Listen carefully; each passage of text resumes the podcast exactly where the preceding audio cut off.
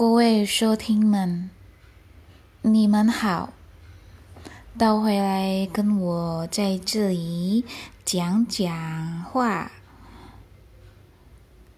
呃，前天就是二十六号的时候，二月二十六号是元宵节。如果我们说元宵节的话，印尼话在这里，他们是认为是 “zap ngo me”，“zap ngomeh” 阿蒂尼亚，马兰格里马布拉斯。为什么我们会按照这个呃说元宵节不是求十五比较呃多人知道呢？因为元。呃 yen itu artinya yen ini dia tulisannya itu seperti mata uangnya yen itu dia berasal dari atau artinya adalah awal permula permulaan. Jadi masih ingat ya, Yentan itu kan Yentan er itu Yentan C itu selamat uh, hari tahun baru. Jadi tahun baru yang pertama kali. Tetapi ini menurut kalendernya lunar atau kalendernya bulan.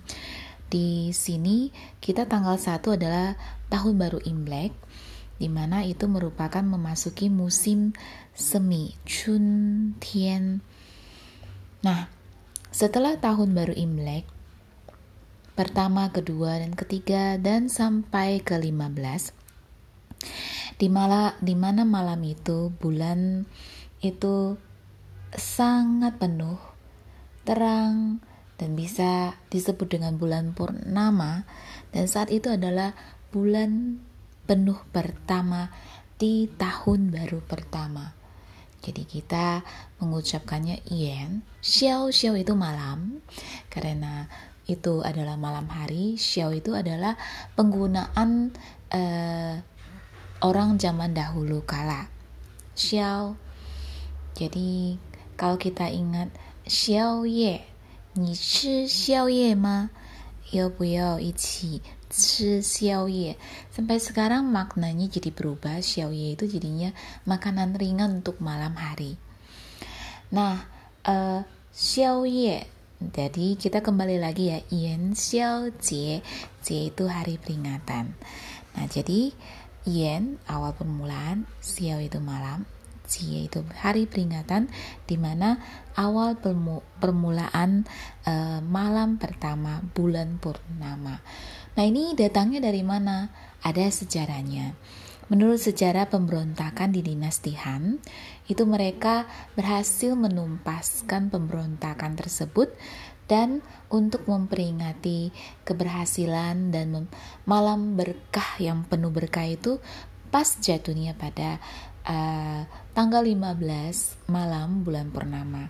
Jadi mereka pun merayakannya dengan uh, memberikan rasa terima kasih kepada Tuhan atau Tian Shang de uh, dewa-dewa di langit dan mereka pun menyalakan lampion dan di uh, alirin di sungai. Nah, itu kebiasaan ini sampai ke dinasti Tan. Tan itu mempunyai makna yang lebih berbeda. Mereka bersyukur kepada Buddha. Jadi, mereka bersyukur kepada Buddha atas segala sesuatu yang sudah terjadi dan setiap uh, malam pertama di bulan purnama di Chunjie atau Chuntian musim semi pertama itu mereka selalu menyalakan lampion untuk rasa syukur kepada Buddha. Nah, uh, dari dinasti Tang diresmikan uh, kebudayaan ini dan resmi-resminya itu pada tang tahun 2008 dinobatkan sebagai uh, hari uh, hari adat istiadat dari Cina. Nah, walaupun ini merupakan adat istiadat Cina karena kita adalah keturunan Cina, jadi di mana pun pasti akan selalu uh, mengadakan peringatan seperti ini. Dan dulunya aku tinggal di kampung halaman. Kampung halamanku itu Pontianak uh, di Kalimantan Barat, setiap malam cap ngome 15 itu uh, pada waktu itu aku masih kanak-kanak. Jadi dari kanak-kanak sampai umur sekitar uh, sekolah dasar dan masih ya sampai SMU juga membawa lampion-lampion yang sudah dibentuk dengan karakter tertentu. Entah itu ikan lah entah itu uh, bentuk lampion biasa segi lima. Dan di dalamnya itu ada lubang untuk khusus dicolokin uh, lilin dan kita menyalakannya setiap malam. Eyo eyo cap ngome. Nah itu yang biasa kami selalu uh, yel-yel yang selalu kami sorakin pada malamnya. Sampai lilin itu habis dan akhirnya eyo eyo cemomek jika seseorang uh, lampionnya terbakar itu kita pasti akan menyelin atau menyorakinnya itu eyo latitu lo latitu itu artinya ya terbakar deh nah seperti itu kita tidak ada sungai walaupun di Pontianak ada sungai Kapos kita nggak ke sana mainnya Nah, uh, juga disemarakin dengan petasan-petasan yang terakhir uh, pada malam hari itu. Dan kita juga merayakan Imlek terakhir malam Cap Ngome tersebut. Jadi setelah itu kita tidak Imlekan lagi atau tidak merayakan secara uh, besar-besaran Imlek atau Chun Jie. Nah, terus kita juga memperingatinya dengan makan-makan bersama, menyiapkan untuk berkumpul bersama. Dan kali ini juga di masa pandemi, kita tidak bisa berkumpul dengan anggota keluarga yang lain demi kebaikan bersama, demi melindungi anak-anakku dan juga orang tua di sini. Jadi kita melewatkan kesenangan uh, untuk yang lebih baik. Uh, kita hanya doakan semoga tahun ini tetap doa dan pengharapan selalu kita panjatkan.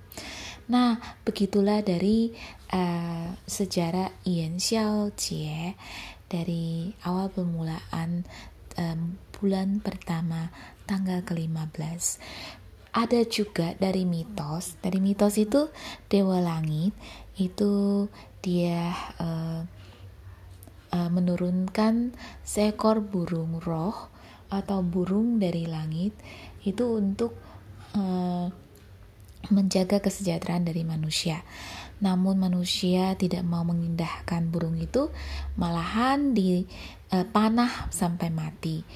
Dan setelah mengetahui hal itu, Raja Langit pun sangat marah dan dia pun uh, seketika memberikan hukuman kepada umat manusia, yaitu akan mengirimkan bola-bola api ke dunia manusia, ke seluruh perkampungan termasuk rumah-rumah. Namun karena rasa iba oleh putri raja langit atau dewa langit itu, dia pun segera segera meng, mengingatkan kepada orang-orang uh, penduduk di bawah sana bahwa Raja Langit akan menghukum mereka. Dan mereka pun menggunakan kiat ini. Mereka menyalakan lampion, lampion api atau nyala api dari atas langit. Itu uh, jadinya Raja Langit itu mengetahui bahwa abdi-abdinya itu sudah menjalankan perintahnya. Mungkin terang sekali, Jadinya Raja Langit juga percaya bumi sudah dibakar. Ya, ini hanya mitos, tetapi ini uh, bisa menjelaskan kenapa kita terus merayakan kebiasaan-kebiasaan ini. Selalu ada pengharapan di setiap perayaan. Dan jika tidak membawa kerugian besar ataupun apa pun itu, kita tetap akan menjalankan adat istiadat ini dengan tidak melawan hukum alam. Nah, 我就讲完了，sudah selesai ceritanya. Uh, 祝你们安康，平平安安，semoga tetap sehat selalu. Dan teman-temanku yang banjir sudah lewat dan kemarin saya sudah menghubunginya, mereka baik-baik saja. Syukurlah. Dan terakhir penyampaian ini, 谢谢收听我的广播。 Terima kasih sudah mendengarkan uh, rekaman dan siaran。呃，podcast 谢谢大家。 再见。